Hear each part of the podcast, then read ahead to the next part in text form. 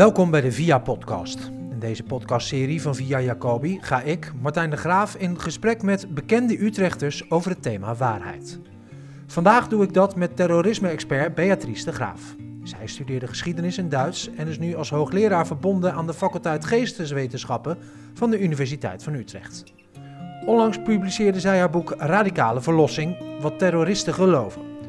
We ontmoeten elkaar op bevrijdingsdag bij haar huis.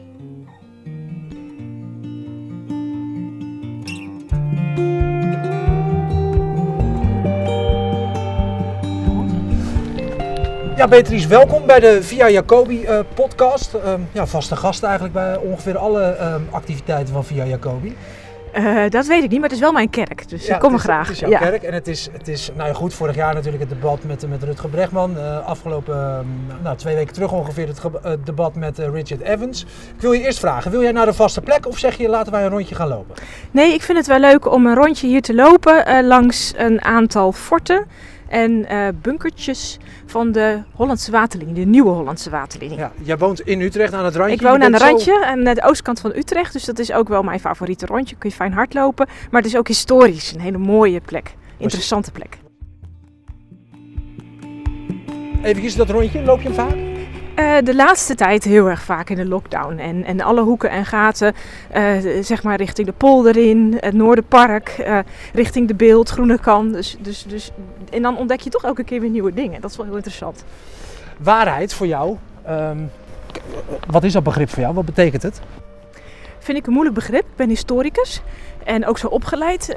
en dan leer je eigenlijk al hè, vanaf jaar één van vertrouw nooit zomaar één bron.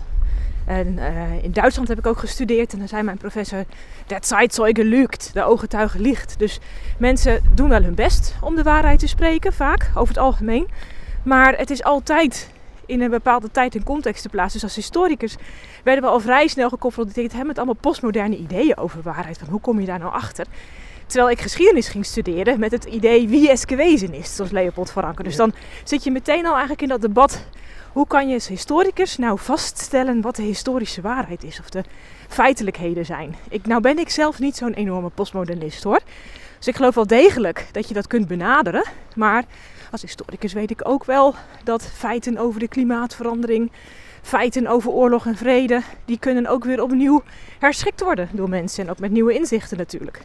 Dus eigenlijk het idee dat waarheid een heel simpel, makkelijk begrip is, dat heb jij al op jonge leeftijd laten varen. Ja, en dat is ook iets waar ik wel met studenten over discussieer. Hè? Ook studenten die dan ook, en dat heel herkenbaar nogal van mij van vroeger, die dan boos worden. Zeggen, ja, ik ben geschiedenis gaan studeren om te weten hoe het zit. Nou, dat is natuurlijk een hele fijne houding. En dat, en dat doen we ook. hoe het zit, dat dat niet zo makkelijk te beoordelen is en dan worden ze boos. Nou, ik probeer ook nog wel vaak uit te leggen hoe het zit. Maar ik laat ook wel zien dat je natuurlijk... Hè, vandaag is het 5 mei, bevrijdingsdag op oorlog en vrede. 5 mei is vandaag ook de, dag, uh, de sterfdag van Napoleon 200 jaar geleden. En de kranten in Frankrijk, maar ook wel een beetje in Nederland, staan bol van de vraag... Ja, wie was nou niet Napoleon? Wat is nou de waarheid over Napoleon? Was dat een oorlogshitser die 6,5 miljoen mensen de dood in heeft gestuurd? Ja, dat is een historisch feit. Nee, zeggen mensen, het was een revolutionair. Hij heeft de wereld hervormd. Dat is ook een feit. En ik haal even het debat aan met uh, Richard J. Evans. Daar kwam Napoleon ook uh, uh, ruimschoots aan, aan bod. Een man die iets gebruikte, waar wij het nu ook in deze tijd heel veel over hebben. We gaan hier een paadje door. Ik pak deze kant, oude we keurig ja. anderhalve meter. Hè. Um, die conspiracy theories gebruikte. Ja, nou dat is inderdaad uh, ook wel interessant. Napoleon was zelf ook heel erg zich ervan bewust dat je de waarheid naar je hand kon zetten. Het feit dat Napoleon nu zo'n mythe is geworden, uh, heeft hij zelf eigenlijk aangezet. Dus hij heeft zelf de waarheid, de feiten over zichzelf opgeklopt. En ook al op het moment dat hij nog keizer was, heeft hij bijvoorbeeld in de bulletins van zijn grande armee. Nou, dat waren eigenlijk de feitelijke verslagen van hoe de legers ervoor stonden, hoe de veldslagen werden gevochten. Maar Napoleon dicteerde soms zelfs letterlijk die grande bulletins en hij liet ze gewoon vervalsen. Het was gewoon oorlogspropaganda om aan de mensen in Parijs niet te hoeven vertellen wat er werkelijk aan de hand was. Dus Napoleon wist als geen ander hoe belangrijk het is dat je gerichte feiten naar je hand kunt zetten. En op een gegeven moment heeft hij ook een politieapparaat, centraal politieapparaat, ingesteld. Dat heb ik uh, vandaag ook nog uh, gezegd in een discussie over. Van, nou, wat is nou de waarheid over Napoleon? Nou, waarheid over Napoleon is dat hij zelf een politieapparaat instelde om eh, de fausse nouvelle, het fake nieuws, zowel op het spoor te komen, maar zelf ook te creëren. Dus Napoleon gebruikte al het begrip fausse nouvelle.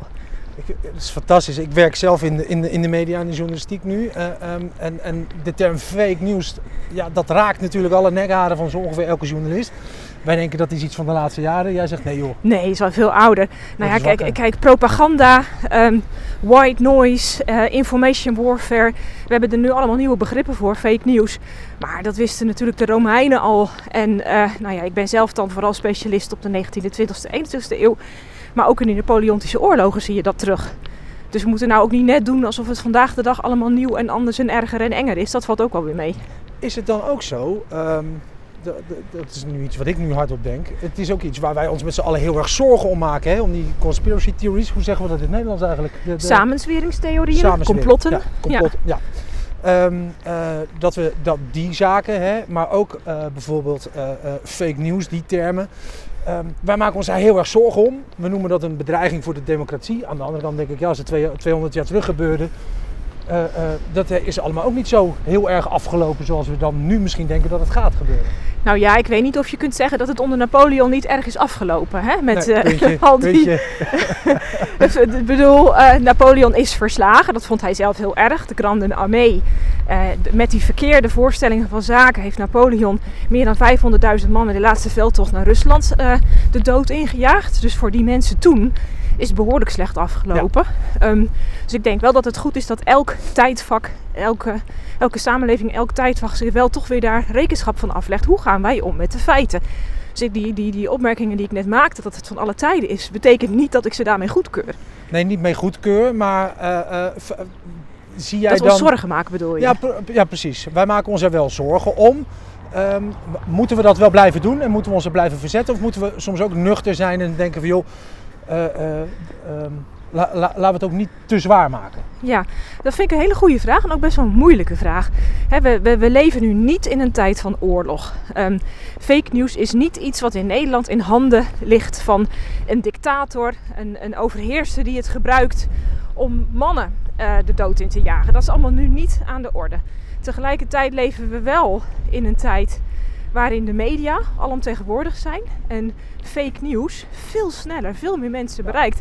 En mensen ook wel op het pad van radicalisering kan zetten. Precies. En, en dat is wel iets waar ik me wel zorgen over maak. En dus het bereik het... van Napoleon was veel kleiner dan bijvoorbeeld het bereik van nu een simpele ziel op Twitter?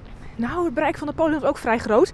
Hij had over nieuwe media gesproken. Hij had ook uh, optische telegrafen uh, ingericht. Dat waren semaforen. Waardoor hij bijvoorbeeld ook nieuws over het front, of ook fake nieuws over het front, heel snel dwars door Europa kon verkondigen. Dus vergis je niet hoe groot de rijkwijde van Napoleon was. Maar nou even over nu. Internet, hè, de opkomst van internet. Misschien wel de meest invloedrijke historische ontwikkeling van de laatste 20, 30 jaar. Misschien nog wel belangrijker dan het eind van de Koude Oorlog. Nou, die komst van het internet heeft dus ook fake nieuws een soort nieuwe globale dimensie gegeven. Wereldwijd kunnen mensen die voorheen allemaal in hun eigen complotbubbeltje zaten, ja. die kunnen nu aanhaken bij bijvoorbeeld zo'n heel groot complot als QAnon. Ja, dat is een soort heel diffuus netwerkachtig complot op internet. Waarvan we dus niet weten precies waar het vandaan komt en wie er allemaal bij horen. En dat gaat ervan uit dat de wereldmacht in handen is van een groep uh, elite mensen onder leiding van Soros, uh, Bill Clinton, die Hillary erop uit, erbij, ja, ja, Hillary die erop uit zijn om uh, door middel van, van, van chaos en van geweld de macht te grijpen. Ze drinken kinderbloed om zelf eeuwig jong te worden. Uh, en ze zijn uit op een great reset. Ja, ja dat. Dat, ja. ja. En uh, nou ja, je zou kunnen zeggen dat is iets van alle tijden. Maar het neemt nu wel hele veelomvattende dimensies aan. In Nederland heeft het Nieuwsuur al, al een paar maanden geleden vastgesteld dat er ja, meer dan 12.000 websites zijn waar mensen op actief zijn van die, van die site. Sorry, 12.000 mensen die op websites van QAnon actief zijn. Ja. En uh, allerlei, dus wat ik net zei, bestaande complotgroepjes die je altijd al had. Antivaxers, uh, in dit geval ook corona-ontkenners, uh, ook rechtsextremisten. Die vinden nu allemaal een tehuis bij dat QAnon. Waardoor het in één keer best wel een hele grote gemeenschap wordt die ook allerlei, laten we zeggen, um, normale mensen.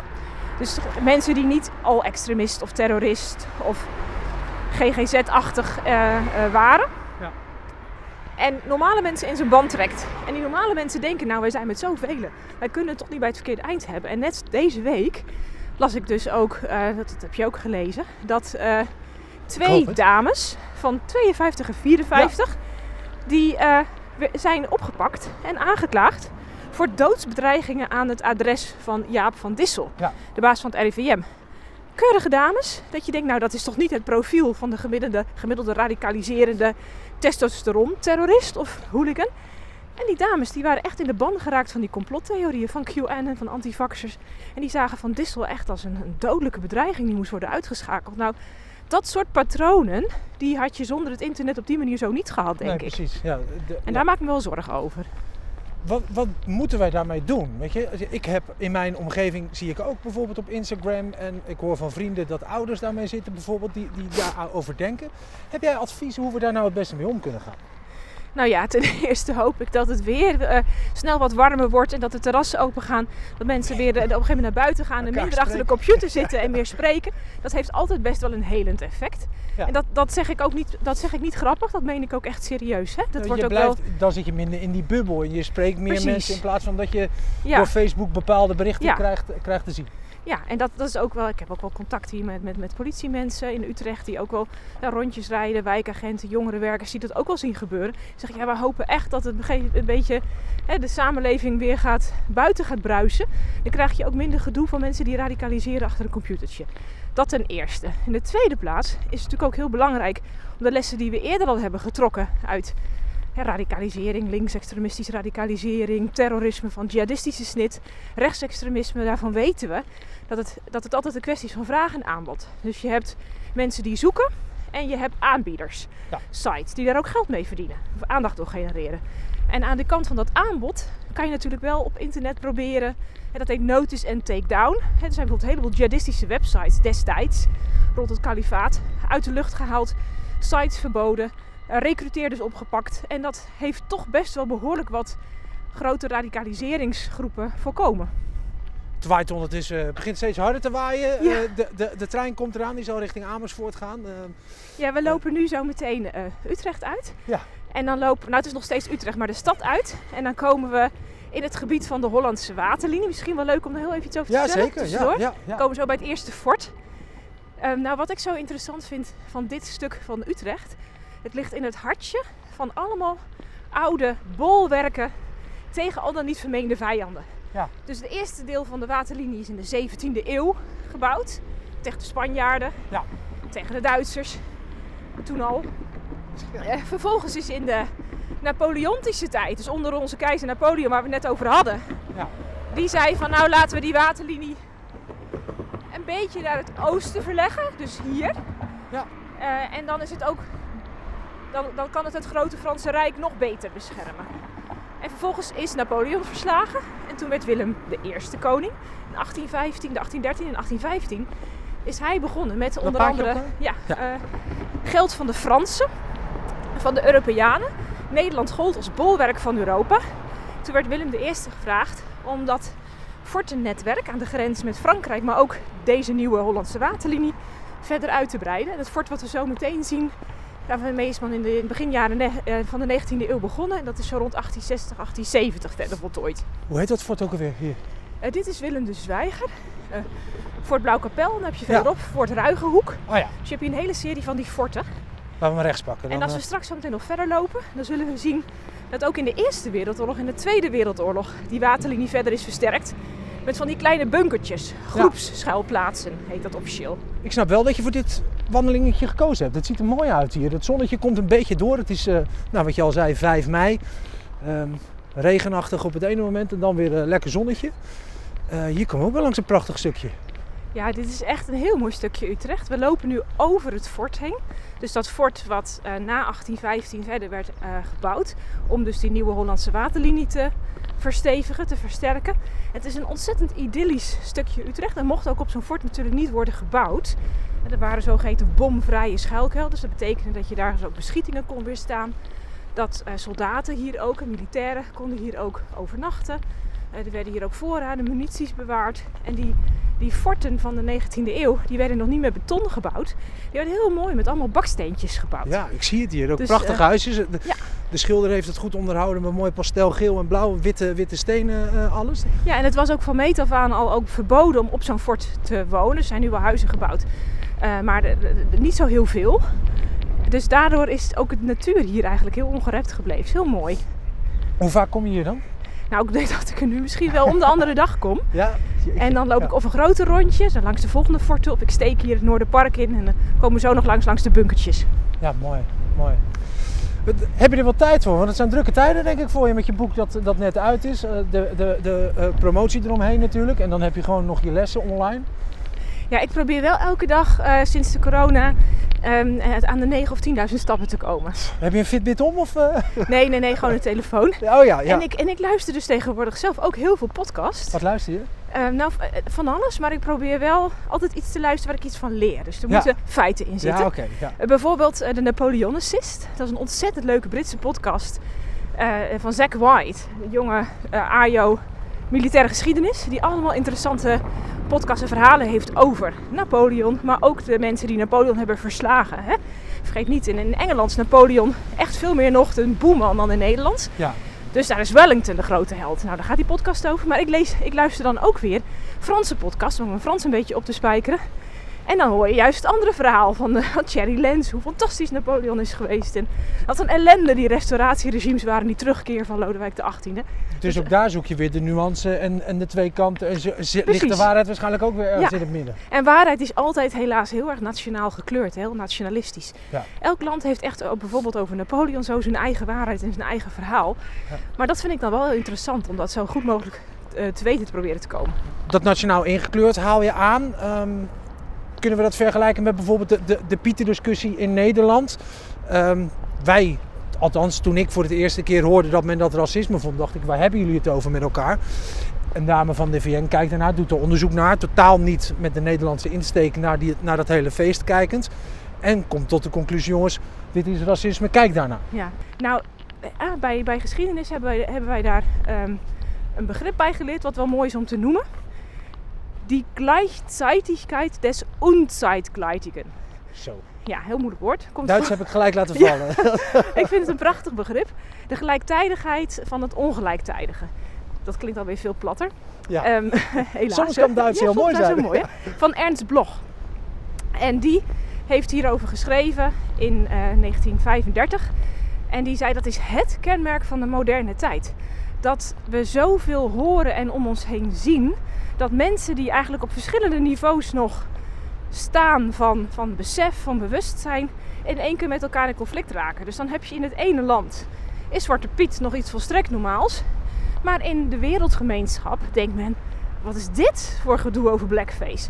En Blog zegt, nou ja, dat die, die confrontatie, die tussen die heb je weer die verschillende bubbels, die wordt door de moderniteit versneld.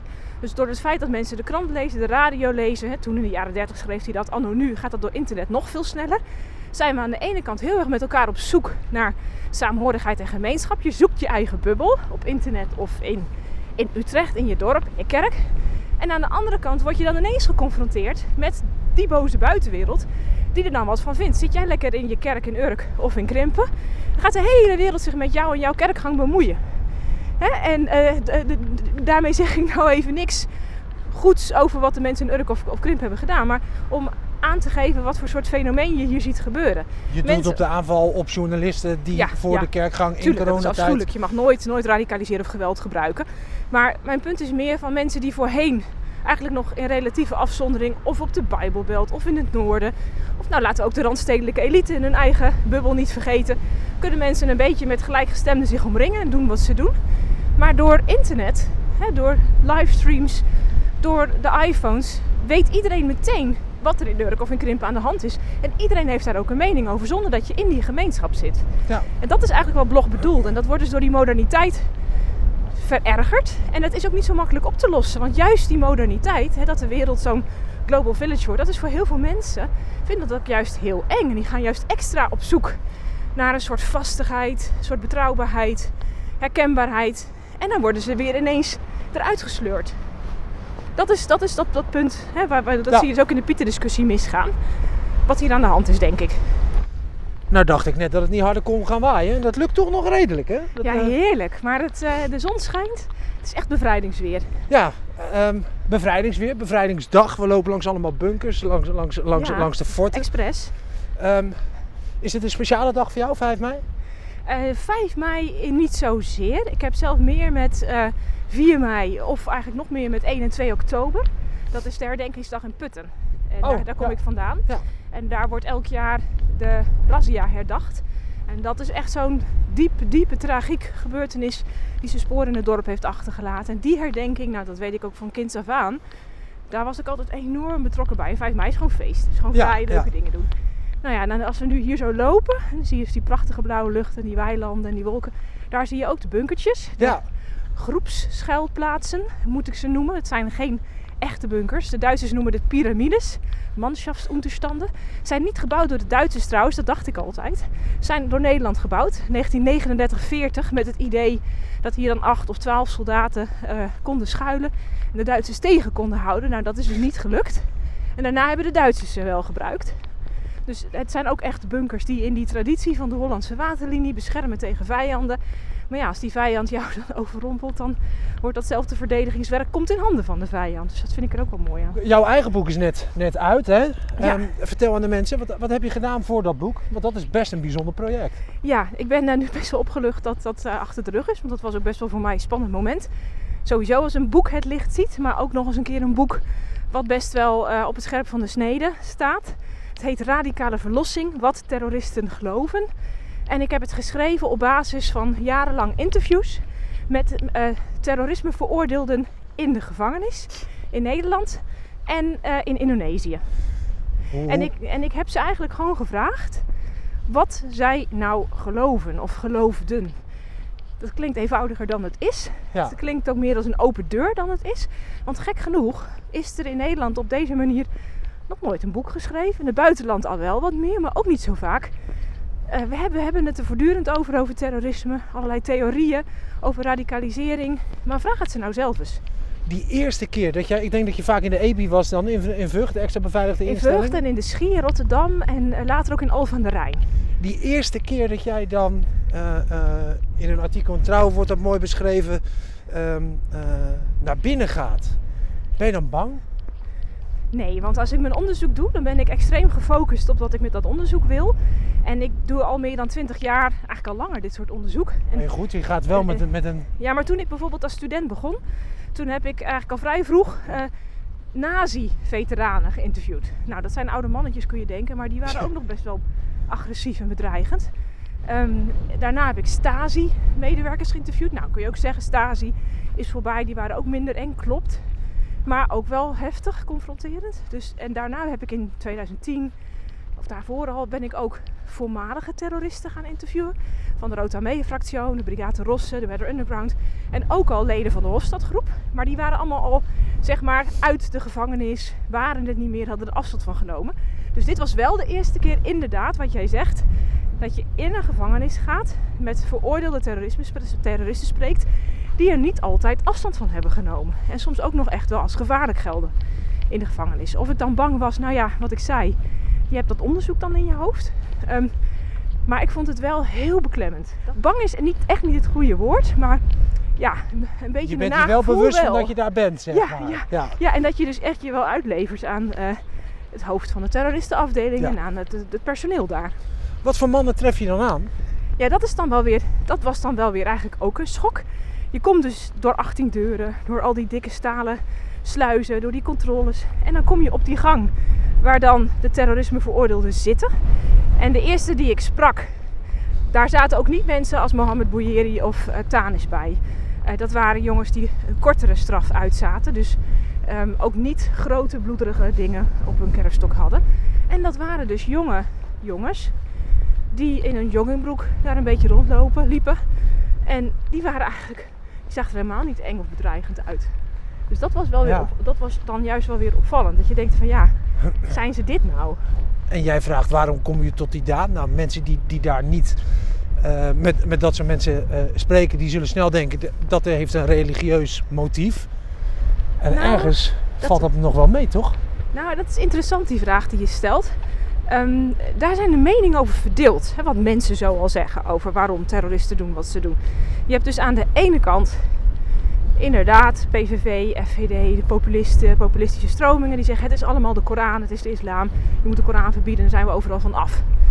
Maar als je dan kijkt, ik, ik chargeer even een beetje, Ja. hè, maar ik vat het even samen.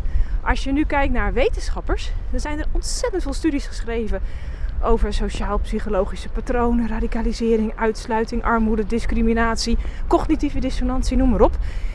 Maar er zijn eigenlijk niet of nauwelijks boeken die zeggen: geloof is een autonome, serieuze factor bij radicalisering en dat moet je zus en zo zien. Nul. Nou nee, er zijn wel wat boeken. Mark Jurgensmeyer die heeft een heel mooi boek geschreven, Terror in the Name of God. Maar die zegt het, het, het, het, het zijn de teksten. Het is het, het beeld wat in die teksten ontstaat van een wraakzuchtige God. Eh, eh, en, en op basis van dat soort wraakzuchtige teksten, een wraakzuchtig godsbeeld, een autoritair godsbeeld, komen dan terroristen, hè, dus jihadistische terroristen, tot hun daad. Nou, dus hij, hij betrekt het heel erg op de teksten. Nou, dat, en dat vond ik op zich wel een mooi boek. Maar wel lastig, want ik had al dus eigenlijk gezien dat de meeste van die terrorisme veroordeelden geen Arabisch kunnen, helemaal de Koran niet uit hun hoofd kennen en helemaal niet die teksten scherp hebben. Dus ik denk van ja, hoe kunnen zij dat dan uit teksten halen als zij die teksten niet kennen? Nee. Maar het idee dat het dan dus niet geloof is, hè, wat dus ook veel wetenschappers zeggen van ja, ze kennen de Koran niet eens, dus ze zijn niet religieus. Dat vond ik ook eigenlijk onzinnig. Ja, Ik ken de Bijbel ook niet uit mijn hoofd. maar je gaat wel naar de kerk. Je Ja. bidt voor het eten. Eh, eh, je, je doet misschien wel andere handelingen. Katholiek, bij katholieken zie je dat nog duidelijker. Die slaan een kruisje, die branden Ja. een kaarsje. Er zitten een heleboel rituele handelingen die totaal niet per se cognitief of, of, of verbaal of schriftelijk van aard zijn. Maar die, eh, dat zijn gewoon handelingen, dat zijn rituelen. De middeleeuwen kenden ook niet de Bijbel uit zijn hoofd, maar die was wel heel religieus. En dat was voor mij op een gegeven moment een soort aanknopingspunt dat ik dacht, ik wil dus weten hoe dat zit met het geloof van die terroristen, maar veel meer door te kijken naar hun, het, de handelingen die ze verrichten, de praxis, de orthopractis, dus het streven, het verlangen naar zuivere handelingen die voor hen religieus zijn, dan te zeggen het zijn de dogma's. Nou, met dat idee ben ik dus vervolgens naar die gevangenis toegegaan. Ik, ja, dan wil ik het ook weten Ja. van hen. Wat, wat, wat doe je dan omdat je denkt dat dat moet voor Allah?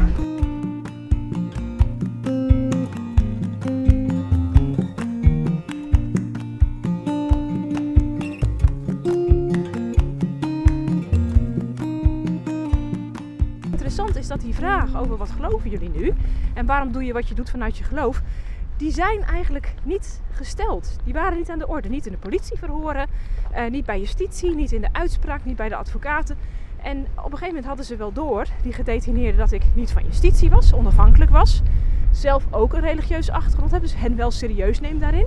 Schept dat dan een band dat jij eh, ehm, eh, religieus bent en zij eh, een islamitische achtergrond hebben, hebben of islamitisch zijn? Helpt dat? Nou, mij hielp het wel. Ik, ik denk niet dat dat per se noodzakelijk is om dit soort gesprekken te voeren. Maar het hielp mij persoonlijk wel. Laat ik het bij mezelf houden. Omdat ik daardoor wel goed aan hen kon uitleggen. Ik neem jullie serieus op dit vlak. En eh, als jullie zeggen ik geloof, dan neem ik dat aan. Als jij zegt ik deed dit voor Allah en ik moest punten verdienen omdat ik anders in de hel terechtkom. Dan geloof ik dat iemand dat echt meent. Ja. En eh, op een gegeven moment merkte je ook van dat ze mij ook vragen gingen stellen. Hè? Van ja, geloof je dan echt? Ja. Ga je dan ook naar de kerk? Ja. Eh, geloof je ook in engelen? En dat vond ik ja, best wel even verrassend. Dus, dus nou, heb ik ook gezegd ja, ik geloof in engelen.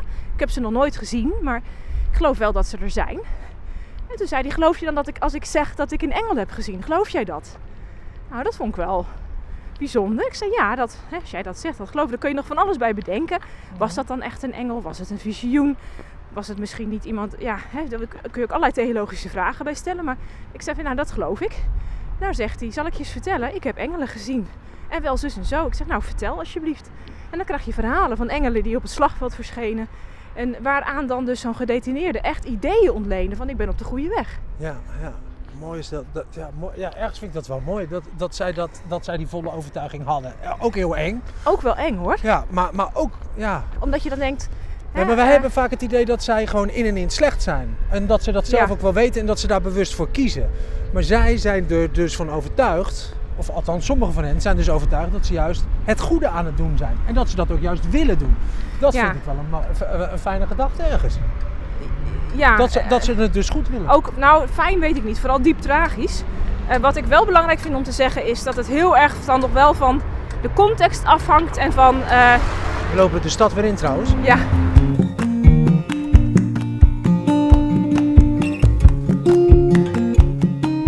ik wilde nog even ingaan op dat punt wat je maakt, hè, van eh, waarom ze het dan deden, of dat dan niet voor hen goed bedoeld was. Daarvan wil ik wel zeggen dat het uitmaakt wanneer iemand iets deed, wat hij dan precies deed en in welk verband. En wat mij opviel bij de gesprekken die ik voerde, dat de generatie gedetineerden die na 2011 vertrok naar Syrië, dus na de oorlog in Syrië en de gruweldaden van Assad, maar voor juni 2014, dus voordat het kalifaat werd uitgeroepen en voordat we die gruwelijke beelden van onthoofdingen zagen. Dus die generatie die ging naar Syrië toe om te vechten tegen Assad en niet om zich aan te sluiten bij ISIS. Ze sloten zich wel aan bij terroristische groeperingen, daarom zitten ze ook vast. Dus ze hadden natuurlijk ook zich kunnen aansluiten bij de islamitische Rode Halve Maan. Dus ik ben ze niet uit goed praten. Maar het maakt nog wel uit of je zegt: ik ga bij ISIS en ik ga uh, ongelovigen doodschieten. Ja. Of ik ga bij milities, Jabhat al-Nusra en ik ga vechten tegen Assad. Assad, ja. En daar ter plekke ging het natuurlijk ook allemaal heel vaak mis, liep door elkaar heen. Maar hun motivatie was daar dus wel een andere dan bijvoorbeeld iemand als Kukman T, die hier in een tram ging schieten. Ja. En dus bij die generatie jongens, jonge mannen waren er toen ze gingen, die vertrok tussen 2011 en 2014.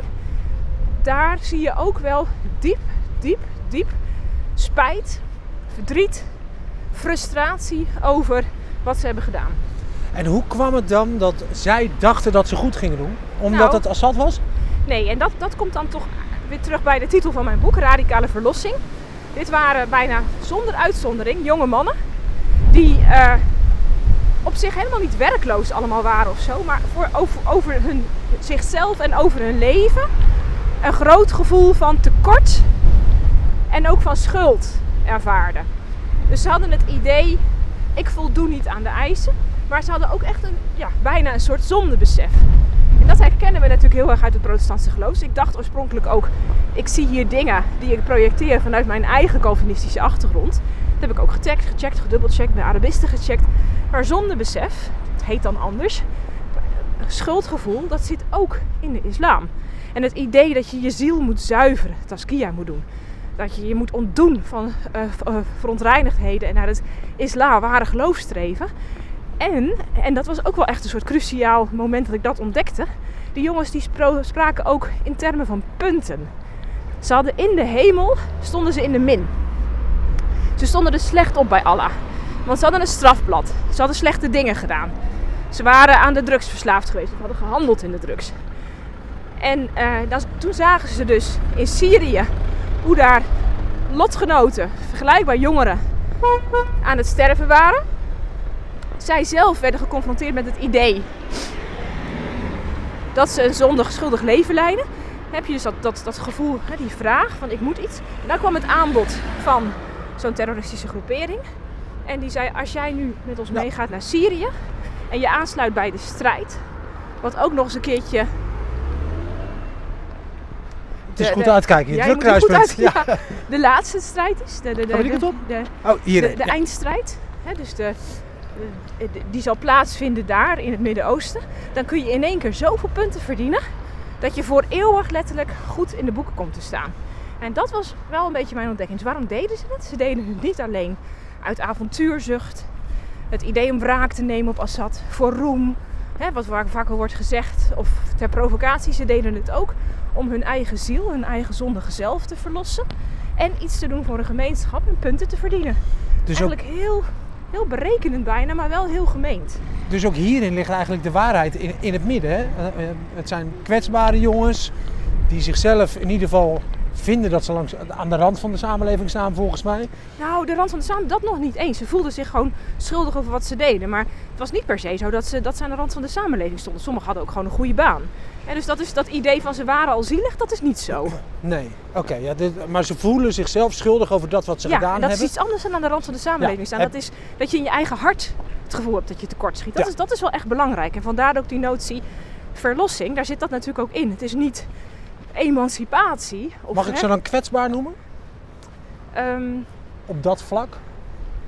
Ja, dat vind, ik, dat vind ik een goede vraag. Ik weet het eigenlijk niet zo goed. Wat is kwetsbaar? Ja, ja. Je bedoelt, je bedoelt beïnvloedbaar. Ja, nou dat ja. ja. Of, of, of, of onzeker uh, over, over dat wat ze zelf doen, zichzelf niet goed genoeg vinden. Um, Ja. En, op, en op, ja, door middel van daden dat, dat kunnen compenseren. Ja, ik weet niet altijd of dat dan onzekerheid is. Het is, Nee. het is soms ook echt heilig vuur dat ze denken, hè, bijna een soort bekeringsbeleving van nou nu zie ik het licht. Ik heb het altijd verkeerd gedaan. Als ik nu naar Syrië ga en mijn flatje hier verkoop en daar iets go- goeds ga doen. Dat is ook vol overtuiging hè, dat ze dat deden. Ja, ja maar ik Maar bedoel met onzeker dat ze zichzelf niet goed, goed genoeg vinden presteren. Ja, Eh, dat, dat misschien wel. En ook, ehm, ja, ook wel erg misleid hè, met het idee dat Ja, je op deze ja. manier punten kon verdienen. Ja, Dat, dat vind ik er wel het tragische aan. Dat dus mensen zich willen verlossen, zichzelf moet, willen, menen te moeten verlossen. Ook nog denken dat dat kan op zo'n manier. Nou ja, en dat is dus ook iets wat ik ontdekte. En ik maak ook gebruik van een bestaande sociaal-psychologische theorie van Dan McAdams, de redemptive self. En, en die heeft onderzoek gedaan naar Amerikanen. Heel veel Amerikanen zitten toch in die mal dat je jezelf moet opwerken. Hè, de American Ja. Dream. Ja. En vaak ook heel religieus. Dus eh, dat welvaartsevangelie. Hè? Je moet hard werken, veel geld verdienen. Nou, dan, dan zegent God jou. ja precies. Maar je kunt dat model, de manier hoe hij dat onderzoekt en toepast op mensen, door naar keerpunten in het leven te vragen, door, door naar het gevoel te vragen van voel jij je geroepen, voel je je uitverkoren? En dat zag ik dus ook bij die terroristen terug. Die voelden zich schuldig, vervolgens voelden ze zich geroepen, uitgekozen door Allah, door, maar ook soms door ISIS. Nu ben ik geroepen, ik moet nu een einde maken. Je kunt ook zeggen, laat anderen dat maar doen of laat ik maar geld geven. Nee, ik moet nu iets doen. En vervolgens zich overgaven aan die strijd om zo die punten te verdienen, zichzelf te zuiveren. Nou, en dat, dat punt van je moet het zelf doen, dat krampachtige bijna, dat kwam ik heel erg dus bij die gedetineerden tegen. Maar ook, dat is die sequence of redemption, zoals McAdams dat noemt, dan ook bijna altijd omslaat in een sequence of contamination, bederf. Omdat je jezelf natuurlijk niet kunt verlossen. En dat is het punt waar ik dus die jongeren zeker wel heel kwetsbaar vind. En ik van ja, ze hebben dus alles gegeven, alles verloren en hebben niet gekregen wat ze van hoopten, die verlossing. Ik ga even chargeren. Ehm, er is een grote stroming die zegt nee, eh, terrorisme dat is psychosociaal. En er is een, een, een grote stroming die zegt nee, het is alleen religieus. Eh, eh, tot zover het chargeren, want ik denk dat ook daar weer, dan komen we weer, de waarheid in het midden ligt. Nou ja, kijk, die stroming die zegt het is alleen maar religieus. Dat, zijn eigenlijk, dat is niet de wetenschappelijke stroming. Dat Nee, is meer de publieke po- politieke. Het populisme Dus wat je daarvan kan je Ja. dan wel toch wel met zekerheid zeggen dat is wetenschappelijk niet onderbouwd. Dus dat benadert de waarheid niet. Nee. Die wetenschappelijke stroming, die heel veel onderzoek heeft gedaan naar onrecht, eh, ongelijkheid, uitbuiting, die heeft op grote punten wel degelijk ook gelijk. Maar dat is niet het hele verhaal.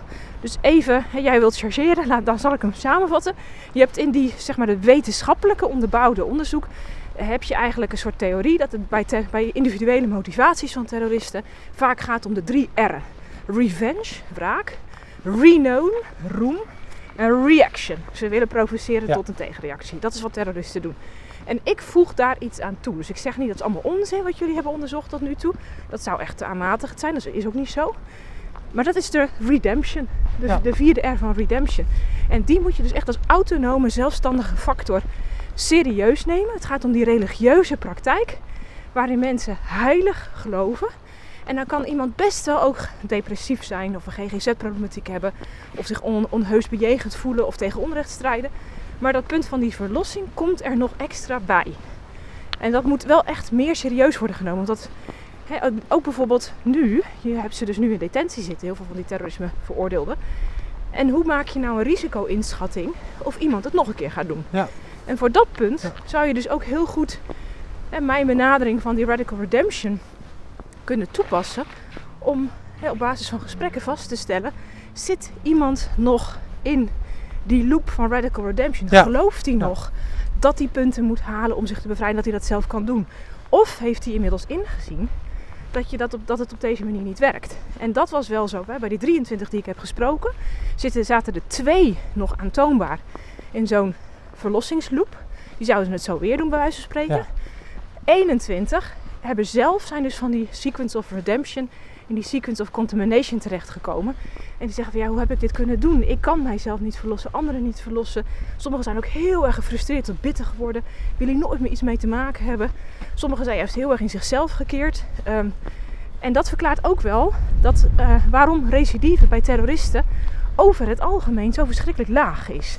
En dat, is wel waar in men in politiek Den Haag ontzettend bang voor is. Hè? Ja, dat is echt een beetje een taboe. Ze komen terug, ze zijn uh, helemaal gebrainwashed, daar moeten we voor uitkijken. Uh, nou ja, die, die, die angst is natuurlijk ook wel terecht. Want, want ook als de recidive heel laag, één recidivist kan een gigantische impact hebben, dat weet ik ook wel. Maar laten we even daarbij wegblijven en even kijken van waarom is die recidive zo laag? Want eigenlijk is dat best wel gek. Want bij gemiddelde criminelen gaan we ervan uit, de criminologen, dat recidive bij, bij vergrijpen, serieuze vergrijpen 50% is. Waarom zou dan bij overtuigingsdaders de recidive bij de 3 tot 5% liggen? Want dat is wat er wereldwijd, in allerlei onderzoeken in Indonesië, in Afrika, in Amerika, in uh, Engeland, in Nederland, in Frankrijk, wordt dat eigenlijk vastgesteld. Het is 3 tot 5 procent. Hoe verklaar je dat als het overtuigingsdaden zijn? Nou, dat verklaar je dus volgens mij mede door dat punt van radical redemption. Een terrorist komt door zijn daad, omdat hij of zij meent echt te moeten scoren, die punten te moeten verdienen. Vervolgens komt hij tot die conclusie dat als je die punten verdient, dat dat niks oplost. Dat je niet bent verlost, dat je nog net zo zondig slecht schuldig voelt, dat de boel corrupt is. Dat jouw gemeenschap het ook helemaal niet erkent. Die punten worden jou niet toegekend. Nee. Door het kalifaat of door wie dan ook meer. Het kalifaat is ook weg.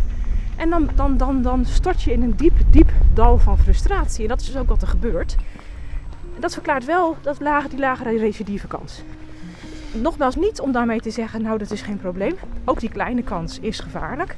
Maar laten we ook eens eventjes kijken waarom dan die recidive zo laag is. We hebben het over waarheid, hè? bijna weer bij jou, uh, bij jou thuis, einde van de podcast. Um, als je op het vlak waarheid nou nog iets mag, uh, mag zeggen, aan, uh, mag meegeven aan mensen, wat zou dat dan zijn? Ja, mooie vraag. We hebben het over waarheid gehad um, hoe, hoe je dat onderzoekt hè, bij anderen. We hebben het over waarheid gehad als historicus. Ik, heb ook laten zien dat je verschillende perspectieven hebt. Dat ook heel erg door de tijd wordt bepaald. Of je aan de overwinnaarskant of de verliezerskant staat. Maar toch ben ik uiteindelijk geen postmodernist. En um, ik wil dus ook wel iets zeggen over wat volgens mij dan wel echt in het hart van de waarheid zit. En dat past ook wel weer erg bij 5 mei. Hè? Want er zijn mensen gestorven voor het verdedigen van de waarheid ten opzichte van een leugenachtige bezetter. Um, en dat is ook waar Roxanne van Iperen het in haar lezing over had. Voor mij staat waarheid toch wel haaks op wat ik jou vertelde over die terrorismeveroordeelden die zochten naar radicale verlossing door zelf iets te volbrengen. Voor mij is waarheid toch uiteindelijk juist die erkenning dat wij het nooit helemaal goed zullen doen. Dat het altijd mis zal gaan. Dat is ook waar ik van mening verschil met Rutger Bregman. De meeste mensen deugen vaak niet. En waar, waar ontleen je dan houvast aan? Nou, dat is het feit dat er gelukkig ergens die plek is waar waarheid wordt verdedigd en bewaard. Ook al, ook al houden wij dat niet vol. Ook al, wij, ook al staan wij in de min. ook al wij, leven wij vaak de leugen na. En dat is de waarheid met de grote W, de weg, de waarheid in het leven. Die radical redemption hebben wij ook nodig, maar die is voor ons. Die is toch wel echt anders. Die ligt buiten onszelf. Ja. En dat is niet om daar nu een heel mooi uh, heilig eindje aan te breien, maar dat juist naarmate ik meer onderzoek doe naar het kwaad. Mensen die menen dat ze juist niet het kwaad zijn, maar het goede nastreven en dan toch het kwade doen. Ja, die, in ons hart ligt dat eikpunt niet. Dat, dat, daar heb je echt nog die tegenover die ander voor nodig. Die, de spiegel van de wet, de spiegel van de Bijbel. Om, om daarin te kunnen zien waar de echte waarheid ligt. En dan kun je ook weer hè, gesterkt en geïnspireerd zelf streven naar die waarheid. Dus je moet absoluut blijven streven naar de waarheid. En niet alles postmodern wegwuiven. Maar de waarheid ligt uiteindelijk buiten ons. Ik denk dat dat wel heel belangrijk is. Op het moment dat je gaat denken dat die in jou ligt, ja, dan krijg je de dingen waar we van denken dat we op 5 mei zijn bevrijd. Dankjewel, dat was uh, leerzaam. Ik vond het leuk. Nou, dankjewel. Ik ben blij dat je die verhalen over de Hollandse waterlinie wilde aanhoren. Mijn kinderen die, uh, die worden er soms wel gek van. Dankjewel en uh, ja, fijne vakantie. Dankjewel en jij ook. Goede bevrijdingsdag nog. Dankjewel dat je luisterde naar deze podcast van Via Jacobi. Waarin ik sprak met Beatrice de Graaf over de waarheid, fake news en samenzweringen. Binnenkort volgen er meerdere podcasts. Wil je nu meer weten van Via Jacobi? Kijk dan op www.viajacobi.nl. Onze dank gaat uit naar Beatrice de Graaf en naar Gionne Hartman, die de muziek verzorgde.